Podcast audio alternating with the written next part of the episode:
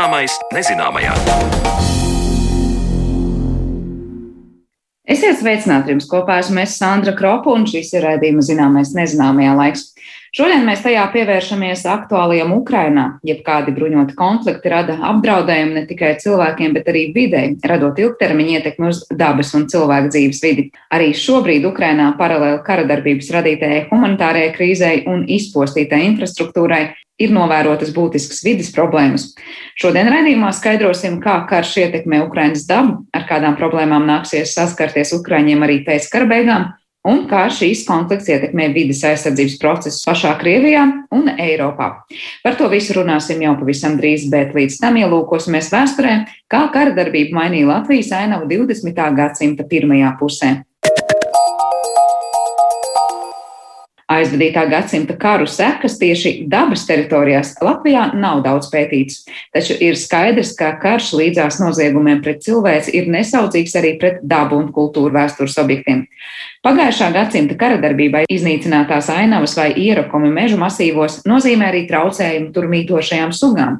Par kara ietekmi uz Latvijas dabu un dabas aizsardzības centieniem arī nemieru laikā plašāk stāstīs dabas aizsardzības pārvaldes eksperte Data Sāmīta. To sākumu mēs uztveram kā Moricēlas dabas rezervāta dibināšanas gadu, 1912. gadu. Dabas aizsardzības sistēmas vēsture mūsu valstī aizsākusies pirms 110 gadiem, iezīmē dabas aizsardzības pārvaldes eksperte Dācis Sāmīte. Morits salas dabas rezervāts līdz pat Pirmā pasaules kara beigām un Latvijas republikas dibināšanai bija vienīgā īpaši aizsargājumā dabas teritorija Latvijā. Kara laikā te gan draudēja koku izciršana, par ko liecina fiksētās cilvēku atmiņas un tolaik pieņemtie lēmumi. Protams, ik viens karš saistās ar to, ka pārtrauc darboties normālā likumdošana ir ārkārtas situācija, gan arī tā brīža valdošās iekārtas kaut kādu konkrētu lēmumu.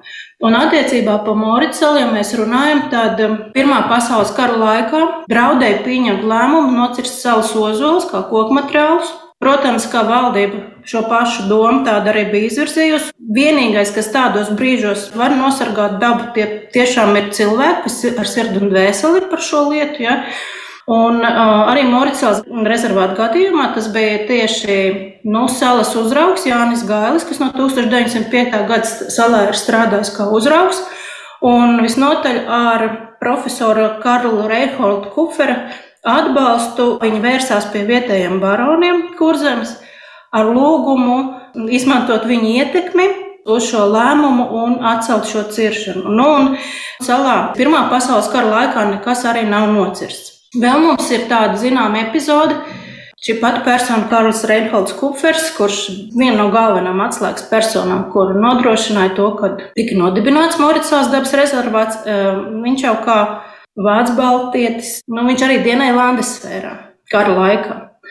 Un um, ir tāds moments, pierakstīts, ka uz Moricels ir ieradušies Landesfērā karavīri ar mērķi veikt malu medības. Un tajā brīdī ir bijis arī kufers uz salas. Un, um, vienkārši izmantojot savu stāvokli, ka viņš um, nu, bija augstākā pakāpē nekā tie, kas bija ieradušies uz medībām. Jā, viņš pavēlēja pārtraukt šo darbību un nu, tādā veidā arī novērst šo apdraudējumu. Tāpat sākot jau no 1905. gada līdz Pirmā pasaules kara beigām daudz zaudēts Latvijas vēsturiskajā kultūrainavā, no kā dažādas sugas arī ir īpaši atkarīgas - no zālājiem, parkveidu pļavām, veciem kokiem un to alejām un tam līdzīgām dzīvotnēm.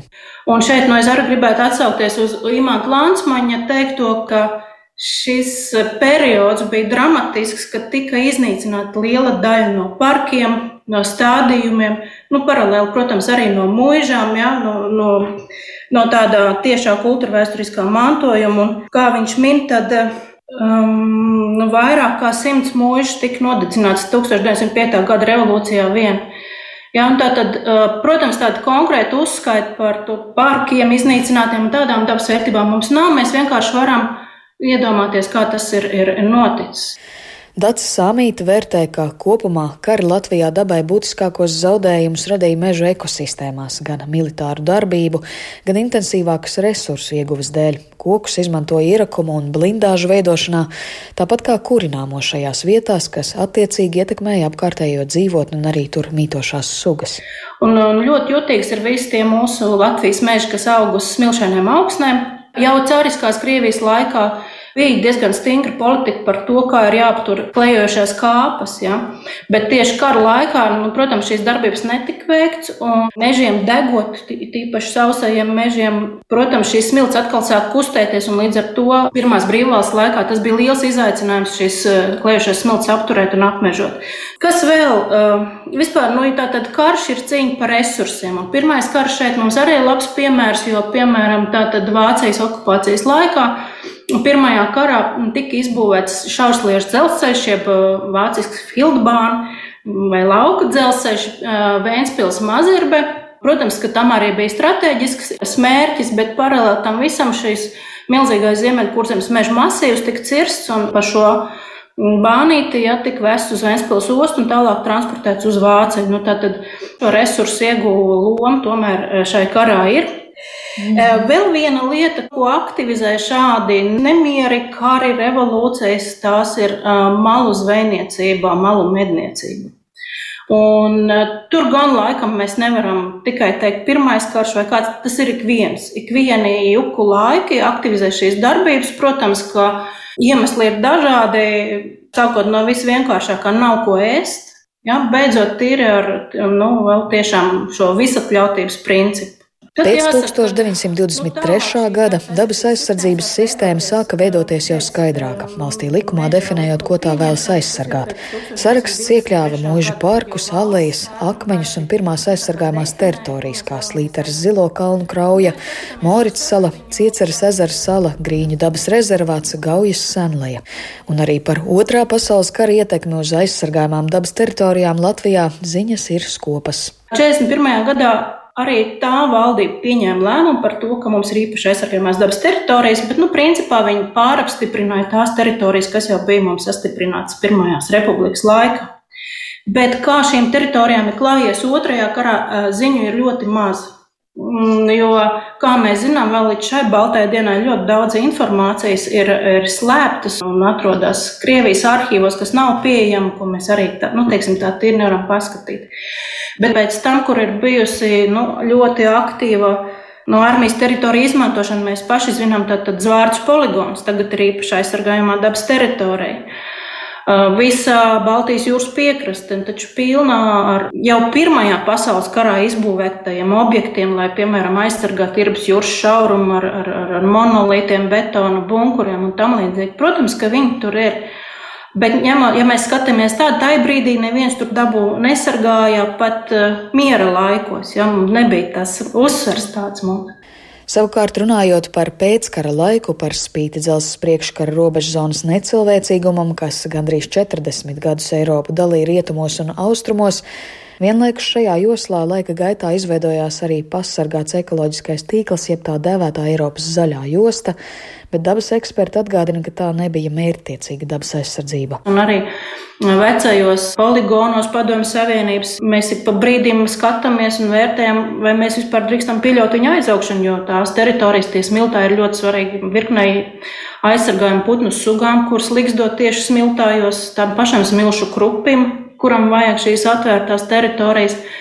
Tā kā nu, cilvēks ir kaut ko izveidojis, un šīm teritorijām nu, pie viņām ir piesaistīts retas sugas, un mēs patreiz arī cīnāmies. Bet es domāju, ka tajā brīdī, ja kāds pirms viņš sākt veidot šos armijas poligonus padomjas Savienības laikā, es domāju, ka daudzus no dabas aizsardzības viedokļa noteikti būtu noraidījuši, ka tāds vispār drīkst veidot. Ja, bet, nu, vienkārši arī tas ir jāpieņem, kad ir šis totalitārais režīms, viņam ir pilnīgi cits skats uz visu un citas prioritātes. Tas ir mūsdienās, mēs dzīvojam demokrātijā, kad vēl sabiedrībai ir dot šī iespēja izteikt savu viedokli gan par vēja elektrostacijām, gan par cūku fermām vai kaut ko tam līdzīgu. Ja. Nu, bet tajā brīdī nebija. Ja, un, un tajā brīdī arī nevarēja šo teikt, dabas aizsardzības viedokli nemaz izvirzīt, jo, kā mēs zinām, daudzās teritorijās dabas pētnieki pat iekšā netika ielaisti. Ja, nu, tā, nu, viņas bija slēgtas. Dācis Sāmīta vēl secina, ka arī šobrīd sabiedrības veselība un drošība ir prioritāte un ārkārtas lēmumi var radīt neizbēgamas sekas dabai, taču būtiski nepieņemt sasteigtus lēmumus tur, kur tas joprojām ir iespējams. Tik tālu Sintīs Ambotas sagatavotais stāsts par kara ietekmi uz Latvijas dabu pirms nepilniem simts gadiem, bet turpmākajās minūtēs pievēršamies notikumiem Ukrainā un to radītajām vidas problēmām.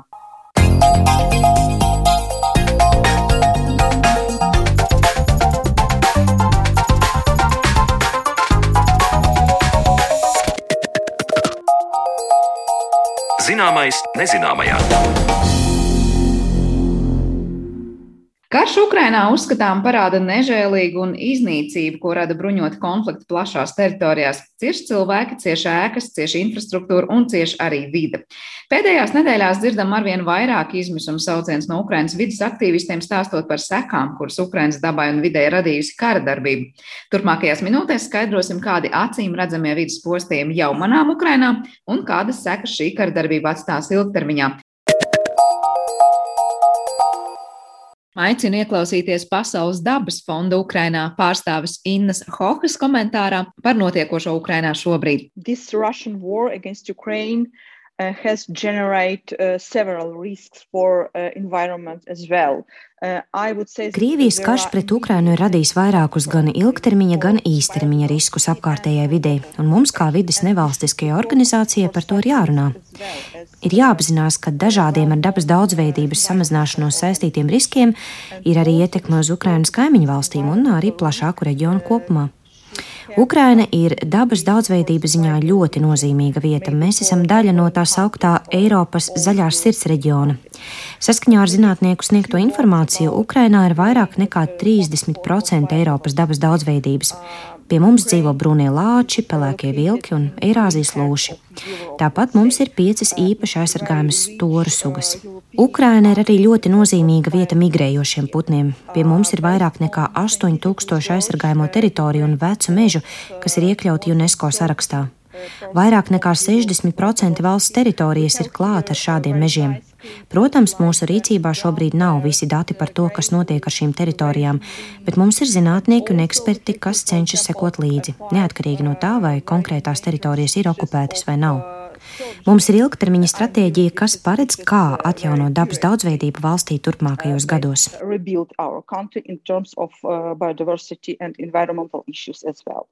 But do you have some more data about the loss? Because, of course, we see terrible footages. Bet vai jums ir konkrēti dati par esošiem zaudējumiem?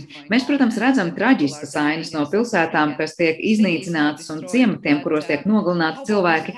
Vai mēs vispār varam cerēt iegūt informāciju par to, kas notiek mežos un nacionālajos parkos? Uh, of course, the main focus uh, of um, all citizens in Ukraine is on cities, as you said, but Protams, ka galvenā uzmanība ir vērsta uz pilsētām, bet mūsu eksperti ziņo par zaudējumiem vidas aizsardzības ziņā un par katastrofāliem gadījumiem. Cilvēki, kas strādā aizsargājumajās teritorijās, ziņo par esošo situāciju. Tāpat mums ir īpaša lietotne vidas chatbots, Save EcoBot, kurā cilvēki ir aicināti ziņot par vidē novēroto. Viņu ziņojumus pēc tam pārbauda speciālisti. Tagad kara laikā tas, protams, nedarbojas tik labi kā pirms Krievijas uzbrukuma, taču tas ir pielāgots darbam arī šādos apstākļos. Uh.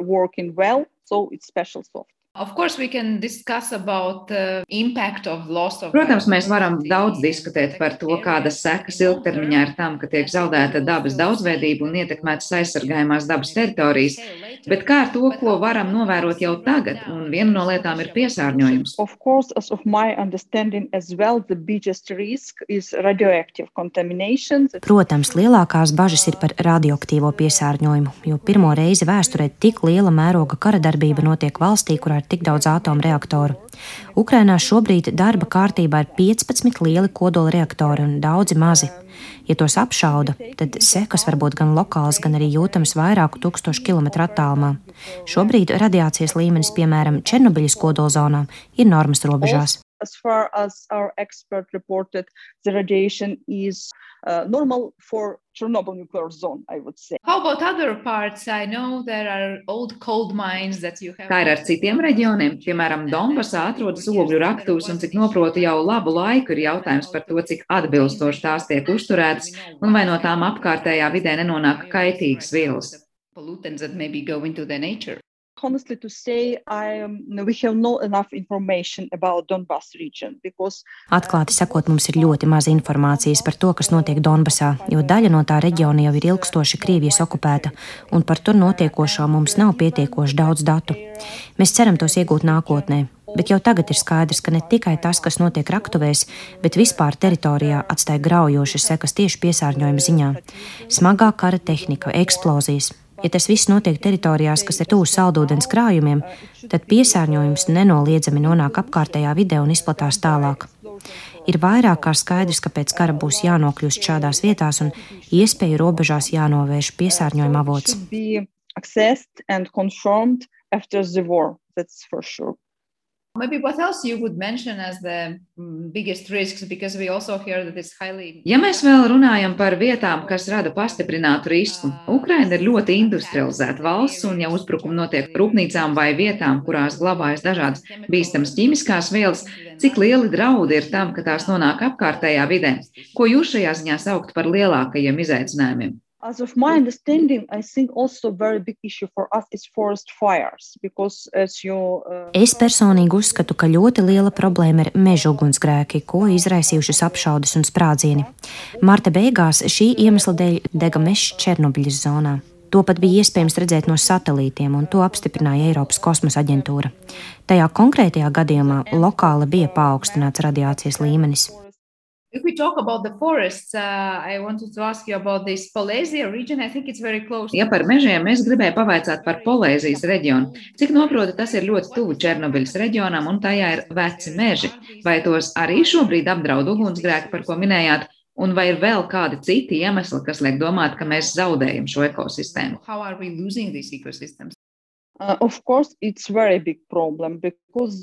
Jā, tā ir liela problēma. Pirms kara mums bija plāns tur atjaunot sombru populāciju. Tagad šie projekti ir apstājušies, jo nav ziņu par to, kāds tur ir piesārņojuma un radiācijas līmenis. Bet tiklīdz būs iespējams, mēs pētīsim šo teritoriju un apsekosim vairākus mežus. Kas pirms kara bija lielākā Ukrainas dabas aizsardzībā? Uh, Pasaules dabas fonds daudzus gadus jau strādājis trīs galvenajos virzienos - mežu, savvaļas dzīvnieku un saldūdens ekosistēmu aizsardzībā. Tāpat mēs daudz domājam par tā saucamajiem dabā balstītiem risinājumiem un zaļo ekonomiku, vidas apziņas veidošanu un komunikāciju. Manuprāt, pēc kara ļoti būtiski būs nodrošināt to, lai vidas aspekti nepazūd domājot par ekonomikas atjaunošanu un pārtikas drošību. Tāpat nevar aizmirst par to, ka cilvēkiem vieglāk tiekot pie ieročiem cilvēkiem pieaug risks nelegāli nogalināt savvaļas dzīvniekus.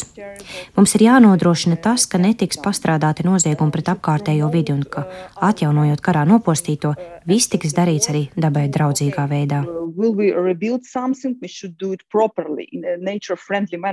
Dzirdējām Innu Hohu, Pasaules dabas fonda Ukrainā pārstāvu, bet ar mums attālināti šeit kopā šobrīd ir Pasaules dabas fonda Latvijā direktors Jānis Rozīts. Labdien, Jāni! Uh, labdien! Kā tu vērtē Innas eh, stāstīto, kādas sekas tuvākā un tālākā nākotnē varētu atstāt karš Ukrainā tieši vides un dabas kontekstā? Lūkojoties uz kāru Ukrajinā un domājot par vidas jautājumiem, šeit jāplūko ir dažādu problēmu mērogi. Pirmkārt, jau par situāciju Ukrajinā. Nu, līdztekus humānai traģēdijai, tūkstošiem bojā gājušo, cietušo, miljoniem nelaimē nonākušo cilvēku, nu, paralēli notiekošajam ir milzīga negatīvā ietekme uz vidas kvalitāti. Un tas ir pie, pirmkārt tas ir piesārņojums, augsne, ūdens, gaiss, ko rada rūpnīcu bombardēšanu, dažādas ietekmes raktuvēs, atomelektrostacijās, naftas bāzēs. Un, tā ir ietekme uz dzīvo dabu un dažādām vidas iniciatīvām. Un Ukraiņas iedzīvotājiem nu, būs jāsadzīvo, es gribētu teikt, nākamajās desmitgadēs ne tikai ar bēdām uh, par notikušo savā ģimenēs un tautā kopumā, bet arī ar izpostīto un piesārņoto dzīves telpu. Tāda ir situācija Ukrajinā. Bet, ja mēs lūkojamies uz kāru, mēs nevaram neaplūkot šo agresoru valsti, Krieviju. Un šeit pastāv savukārt milzīgi riski no Krievijas puses, uz rīcību, kā noplicinošu attieksmi savas valsts dabas resursu apsaimniekošanā. Un līdztekus tam mums jāpaturprātā arī mm, Krievijas līdzinēji vājā valdības rīcība klimata mērķu izpildē. Ja pēdējos gados mēs esam dzirdējuši nepārtrauktas diskusijas par to, kāda būs uh, ietekmes uz vidi mazināšanu saistībā ar šo emisiju jautājumiem dažādās pasaules valstīs, tad Krievija līdztekus tam, ka no vienas puses viens no lielākajiem piesārņotājiem ir ļoti, ļoti lēnām un vājām ambīcijām virzījuši savas apņemšanās klimata jomā. Un, nu, skaidrs ir tas, ka nu, tas šobrīd varētu būt vēl lielākā riska faktorā, jo nu, skaidrs, ka tas, ka Krievijas valdība šobrīd klimatam noteikti neatcinās ne laika, ne resursus, domājot par šīs problēmas risinājumiem. Bet daudz vietā pasaulē, kā piemēram atsevišķās Dienvidamerikas valstīs un izteikti Āfrikā un arī Austrumē Eiropā, tā skaitā Latvijā, politiķi, dabas resursu lobbyisti ietekmē, nesaprot vai nevēlas pieņemt dabai draudzīgākus lēmumus. Un valsts pārvaldē tā nav prioritāte. Un tieši tāpat un vēl spilgtāk ir Krievijā. Un līdzinēji, es gribētu teikt, sekojot līdzi dabas resursu pārvaldībai un šiem klimata jautājumiem Krievijā, tad lielu ietekmi, es domāju, tieši pozitīvā skatījumā ir spēlējuši tieši ārvalstu investori. Ārējo tirgus um, nosacījumu un dažādas resursu certifikācijas sistēmas. To tagad nav. Un, uh, uh, tas viss paliks uh, tikai un vienīgi iekšējā Krievijas valsts pārvaldes rokā un dažādu biznesa partneru atbildībās, kuru attieksme var būt ļoti dažādas. Tālāk, jau, ja mēs paskatāmies ārpus jau Ukrainas un Krievijas, tad nu, noteikti mums jāuzlūko arī šie starptautiskie notikumu procesi. Un, mēs redzam, kas notiek ar Eiropas Savienības regulējumu um, saistībā piemēram ar auga aizsardzības līdzekļu lietojumu, pašiem pesticīdiem. Mēs redzam, ka apstājies arī dabas atjaunošanas regulējums. Mēs nespējam prognozēt, kad tālāk šie jautājumi virzīsies. Un, nu, es gribētu teikt, ka tie ir nosacīti kaut kādi, nu, es gribētu teikt, nu, neziņa un kaut kur draudi mūsu virzībai klimata un dabas jomā nākotnē.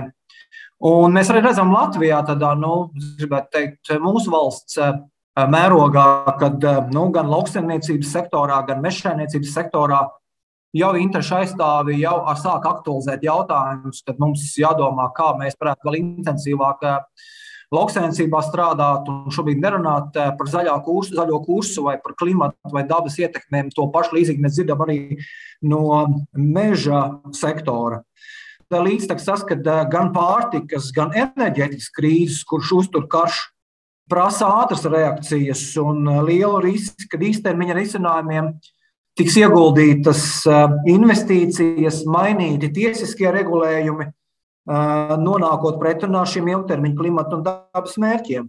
Ja mēs novilksim šo mērķu izpildi un, un var saprast, ka mums jādomā šobrīd ir nu, tādas ļoti īstermiņa problēma risinājumi jāmeklē un nu, tiešām jādomā, ko mēs darīsim rīt un pēc nedēļas. Bet skaidrs ir tas, ka nu, mēs jau nekur nu, neaiziesim prom no šiem klimata vai dabas mērķiem.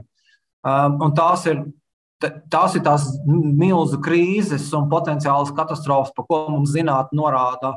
Nu, es gribētu teikt, jau tuvākajās desmitgadēs.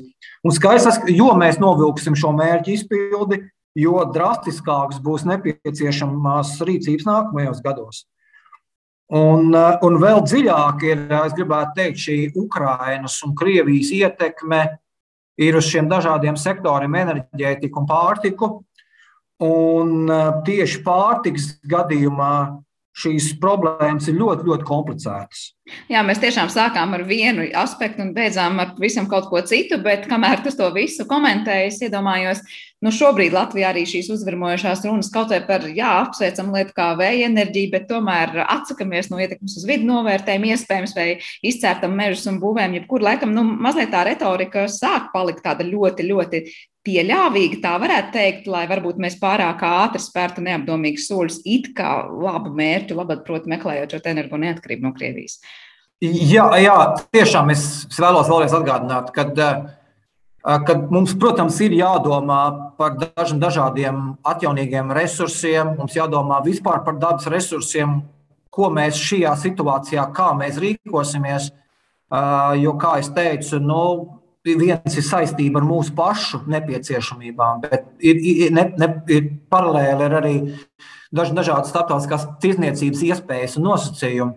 Bet, lai nu kā, mēs nedrīkstam nekādā veidā investēt uh, līdzekļus pretēji jau rītdienas klimata un dabas mērķu izpildēji, un mēs nevaram arī pagriezt tiesisko regulējumu, kas ir klāji nedraudzīgs klimata un dabas mērķiem. Jo, kā jau teicu, šie risinājumi būs tūlīt nepieciešami. Mums tagad ir skaidrs, ka dēļ klimata jautājumiem un dabas jautājumiem gan Eiropas eh, Savienības kontekstā, gan vēl plašāk ANO sistēmā ar vien tiek eh, nu, kāpināti šīs prasības un vajadzības. Un arī nu, nu, pat iznācis burtiski pirms nedēļas pēdējais eh, starptautiskais zinātnes ziņojums par situāciju klimata jomā, kas vēl skaudrāk pieprasa rīcību. Līdz ar to mums ir īstermiņš un ilgtermiņš, bet no, nu, kā mēs nevaram īstermiņā nonākt pilnīgi pretējā vektorā, nekā tas mums būs jādara eh, jau ilgtermiņa jautājumos. Jā, par enerģētiku mēs arī atsevišķi esam runājuši, un tā mazliet cita raidījuma tēma, bet, protams, necauraujami saistīta ar to, ko tikko minēji. Bet es vēl gribēju paturpināt to domu, ko tu minēji par Krieviju, proti, ka nu, tā jau līdz šim nebija īpaši, var teikt, čaklis, tas klimata jautājumu risinātājs starptautiskā mērogā. Vai te nevarētu arī likties, nu, ja jau līdz šim Krievija nebija tā pirmrindniece un daudz neko tur nedarīja, mēs šobrīd daudz zaudējam no tā, ka Krievija visticamāk klimata un bioloģiskās daudzveidības ziņā nu, nedarīs neko, ja tā var teikt. Kaut ko jau noteikti šī valsts darīs, jau kaut kādas jau līdzinājās investīcijas un, un kaut kādas trajektorijas un darbības ir. Un, un gan jau arī Krievija mēģinās pierādīt ārēji pasaulē, ka tomēr kaut kas notiek. Bet kādā ziņā nu, es prognozētu, ka šī, šī rīcība būs daudz, daudz nu, piezemētāka, Un nepārprotami tas būs milzīgs resursu, resursu novirzīšana tīri militārām nepieciešamībām. Kas vēl ir cits un paralēls jautājums, apzinoties, ka pasaulē kopumā militāro apsvērumu dēļ tiek novirzīti milzīgi līdzekļi. Tas ir gan resursu patēriņš, gan, proti, arī emisiju jomā. Tas ir, tā, tās ir milzīgas ietekmes. Un skaidrs, ka šī brīža tā, nu, Krievijas skatījums un rīcība būs noteikti virzīta nu, tādā militārā jomā un militārās nu, kaut kādas varenības stiprināšanā vai, vai, vai, vai uzturēšanā. Un tam, tam, tam tiks milzīgi resursi novirzīti, un tā nosacīta būs noteikti prioritāte. Bet kā, bet, kā jau teicu, klimata jomā tā ir pirmā piecinieka valsts pēc emisijām un bioloģiskās daudzveidības jomā, no izprotot Krievijas šo mērogu un tik ļoti daudzveidīgo dabu, jā, tā ir ļoti ietekmēta un ir meža resursi, ir ļoti ietekmēti desmitgadēs eh, šī meža ciršana, bet tāpat laikā nu, tur ir saglabājušās ir ļoti, ļoti nu, plašas, vēl neskārtas, eh, nu, es gribētu teikt, ekosistēmas ar lielu bioloģiskās daudzveidības krātuvi. Un, proti, to ir nosacīti, ir sargājuši tieši tirgus apstākļi, ārējie tirgi un investori, un pat mazāk varbūt pati Krievu, Krievijas valdība vai, vai, vai valsts pārvalde.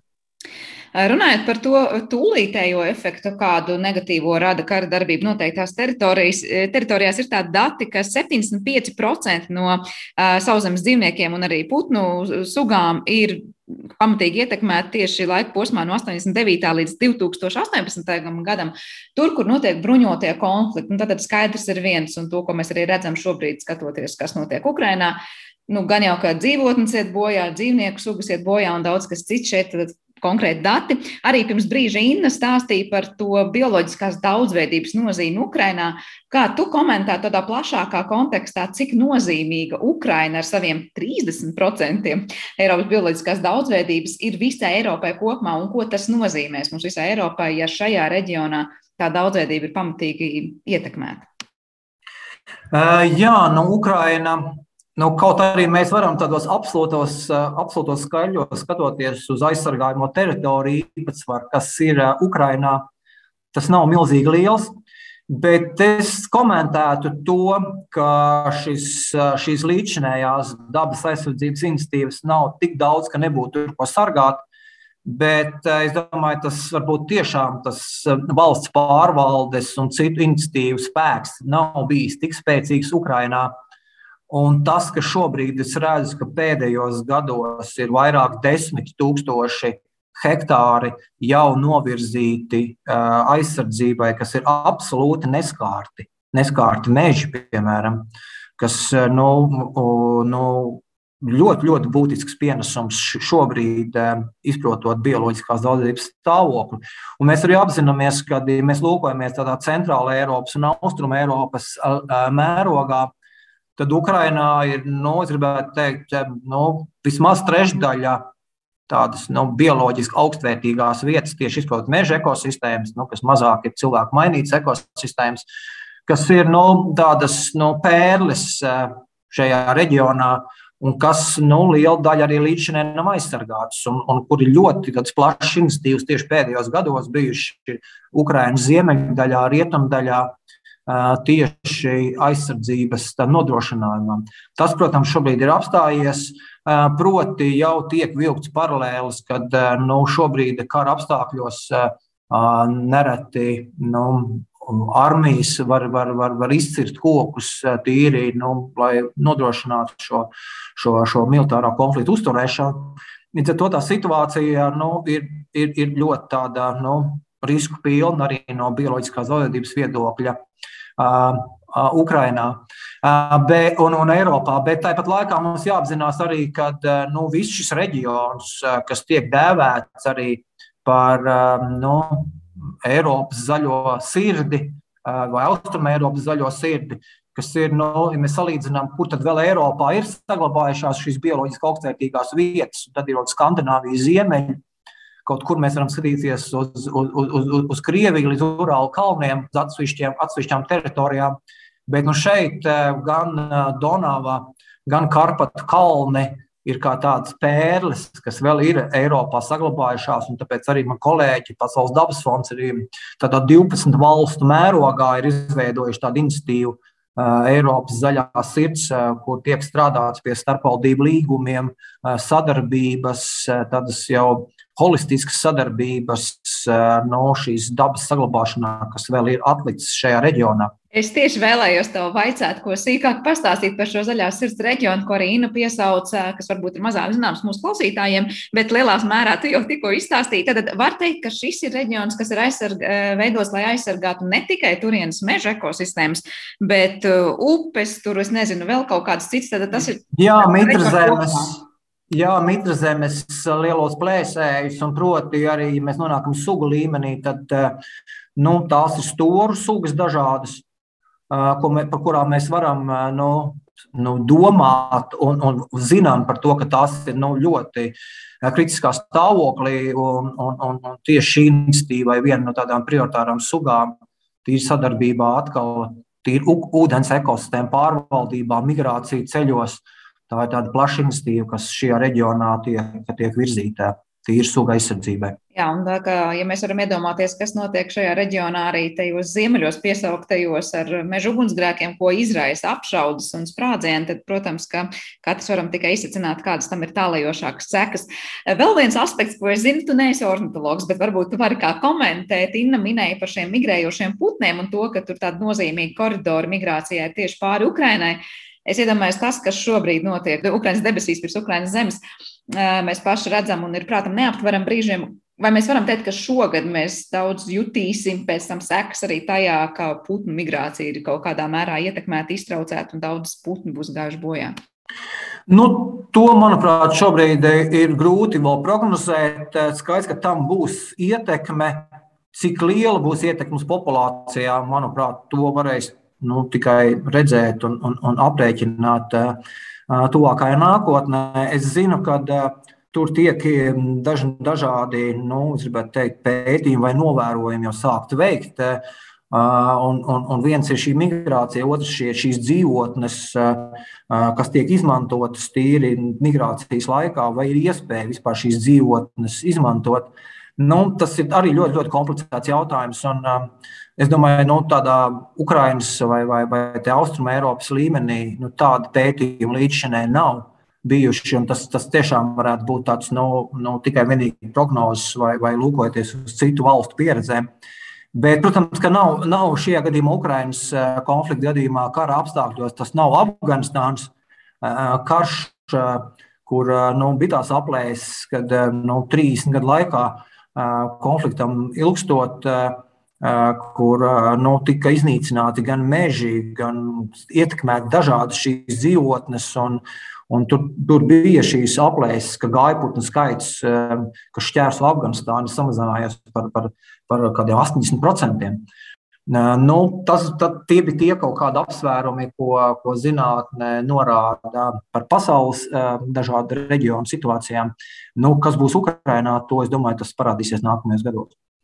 Un ietekmēm vispār šeit. Jā. Jā. Tu aizskāri šo militāro konfliktu, citu arī nozīmē un attiecībā uz vidi, kādu, kādu, kādu ietekmi tas atstāja. Man prātā nāk Amerikas Savienotās valstis, kas savukārt ir rēķinājuši patērētās degvielas un emisiju kontekstā, ko nozīmē kara darbība. Tad tur tie skaitļi šobrīd nepateikšu, bija kādi, bet nu, lielās līnijās ideja tāda, ka daudz, daudz, daudz vairāk nekā gada laikā patērē Amerikas Savienoto Valstu iedzīvotāji pārvietojoties ar saviem automobīļiem un, un arī lidojot. Proti, tas, kas notiek kara darbības laikā, tīri no degvielas patēriņa, no emisiju radīšanas patēriņa ir milzīgs piesārņojums.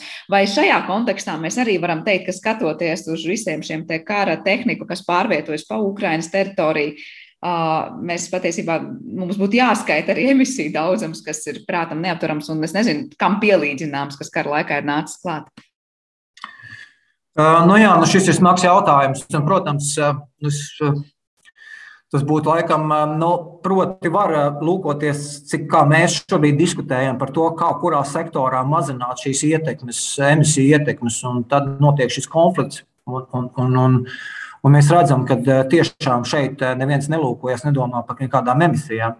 Un ar to nu, nešaubīgi šādas situācijas, es gribētu teikt, gan dažādus speciālistu aprēķinus, gan nosacīti praktiķus kuri strādā un domā par dažādu sektoru ietekmes mazināšanu, nu, rada tādu kaut kādu psiholoģisku arī sajūtu, ka nu, mēs kaut ko darām un cenšamies, un redzat, te, tā, tā nosacīti tik ļoti var aprēķini izmainīties nu, nedēļu, mēnešu vai vairāk mēnešu laikā.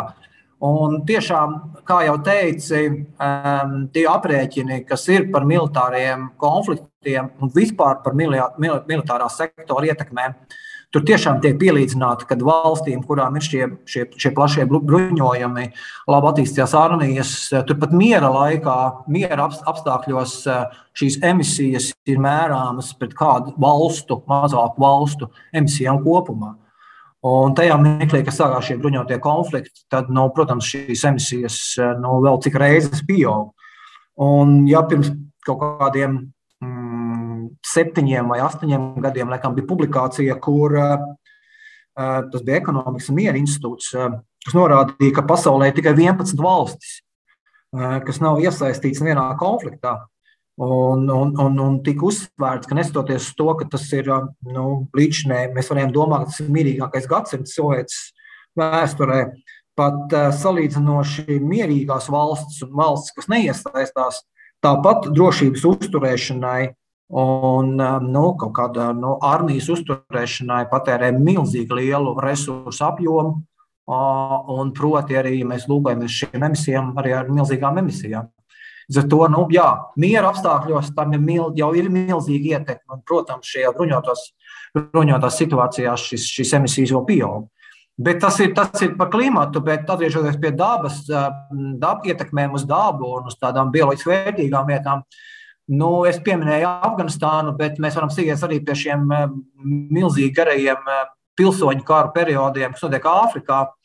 Un tur arī ir aprēķināts, kāda ir šīs ietekmes uz tādām ļoti bioloģiski augstvērtīgām vietām, kur pilsoņu karu ietekmē pieaug bēgļu, bēgļu migrācijas, un ar to bēgļu migrācijām virzoties un, un, un izmantojot resursus, kas nu, ir pieejami. Tā, tā skaitā tie ir nu, tie, tikpat labi būt arī šīs aizsargājumās teritorijas, nacionālajie parki, kur vēl ir kaut kāda šī vērtība saglabājusies pēc šiem kara apstākļiem, un kara apstākļos tas noteikti ir, tās ir malu medības. Jau šobrīd Ukrainā tiek norādīts, un ko norāda arī kolēģi mūsu, par to, ka arī šī dabas aizsardzības teritorija pārvaldība, nu, protams, kad nav vairs prognozes, kas notiek ar šiem dzīvniekiem, ja tie arī kaut kādi tiek reintrodukcijas vai, vai dzīvnieku um, populāciju uzlabošanas kaut kādas institīvas, kur tiek arī dzīvnieki turēti kaut kādās valjeros, tad, protams, šajos apstākļos šie dzīvnieki var, var arī iet uh, ārpus šiem valjeriem, un, un, jo šīs, uh, nu, jā, šīs pārvaldes darbinieki jau nu, īsti nav spējīgi uzraudzīt šīs teritorijas. To tās ietekmes var būt uh, nu, visdažādākas un visdažādākos virzienos. Jā, tas tikko minētais patiesībā parāda to, kā karš nu, nes līdzi sev tik ļoti dažādās šķautnēs, tik ļoti dažādas jautājumas, ja mēs runājam gan par pārtiks drošību, gan par klimatu politiku tālāko gadu, gan par to realitāti, kurā dzīvosim ne tikai cilvēku Ukrainā, bet arī mēs visi paši Eiropā, jo Jo tas, kā glabas daudz, daudz, daudzveidība tiek ietekmēta vienā reģionā, pavisam noteikti kaut kādā mērā atsauksies uz visu plašo reģionu kopumā. Jā, milzīgs paldies tev par sarunu. Tad, no tevis saprotu, liekot punktiņus uz zīka, tās īstermiņa lietas, par kurām noteikti ir jādomā. Nu, es nezinu, vai mēs varam ko darīt. Mēs varam tikai bažīties un izteikt nosodījumu, lai cik tas traki neizklausītos. Uh, par to, kādas ir šī brīža piesārņojošās darbības, kas notiek gan saistībā ar ūdens tilpēm Ukrainā, gan pazemi, gan, gan, gan augsni, gan mežiem. Uh, gan ilgtermiņā mēs vairāk runājam par to, kas notiks tālāk vispār ar vispār mūsu izvirz, izvirzīto mērķu sasniegšanu. Tā var teikt. Jā, pavisam noteikti. Un tas noteikti ir tie, manuprāt, tādi ļoti sarežģīti izaicinājumi. Un šobrīd eh, ir jārīkojas pietiekami ātri, racionāli, funkcionāli, bet ir, ir tas jādara tādā plašākā situācijas kontekstā jāpieņem lēmumi, bet tiem lēmumiem jāvirzās arī uz to mērķu izpildi, kas mums būs nepieciešams. Un, un šeit tiešām ir runa par cilvēku drošību, veselību un labklājību, ko mēs vēlamies redzēt nākamajās desmitgadēs. Un kaut ko pieņemot lēmumus un, un, un, un tādus nu, sasteigtus, un varbūt pat neredzot kopējo kontekstu, mēs varam nonākt situācijā, kad kad būs arvien grūtāk eh, labot eh, šos lielos, eh, lielos uzstādījumus un dzīves telpas nodrošinājumus pēc, jau pēc gadiem, 5, 7, 15, kas mums visiem stāv priekšā turpmāk.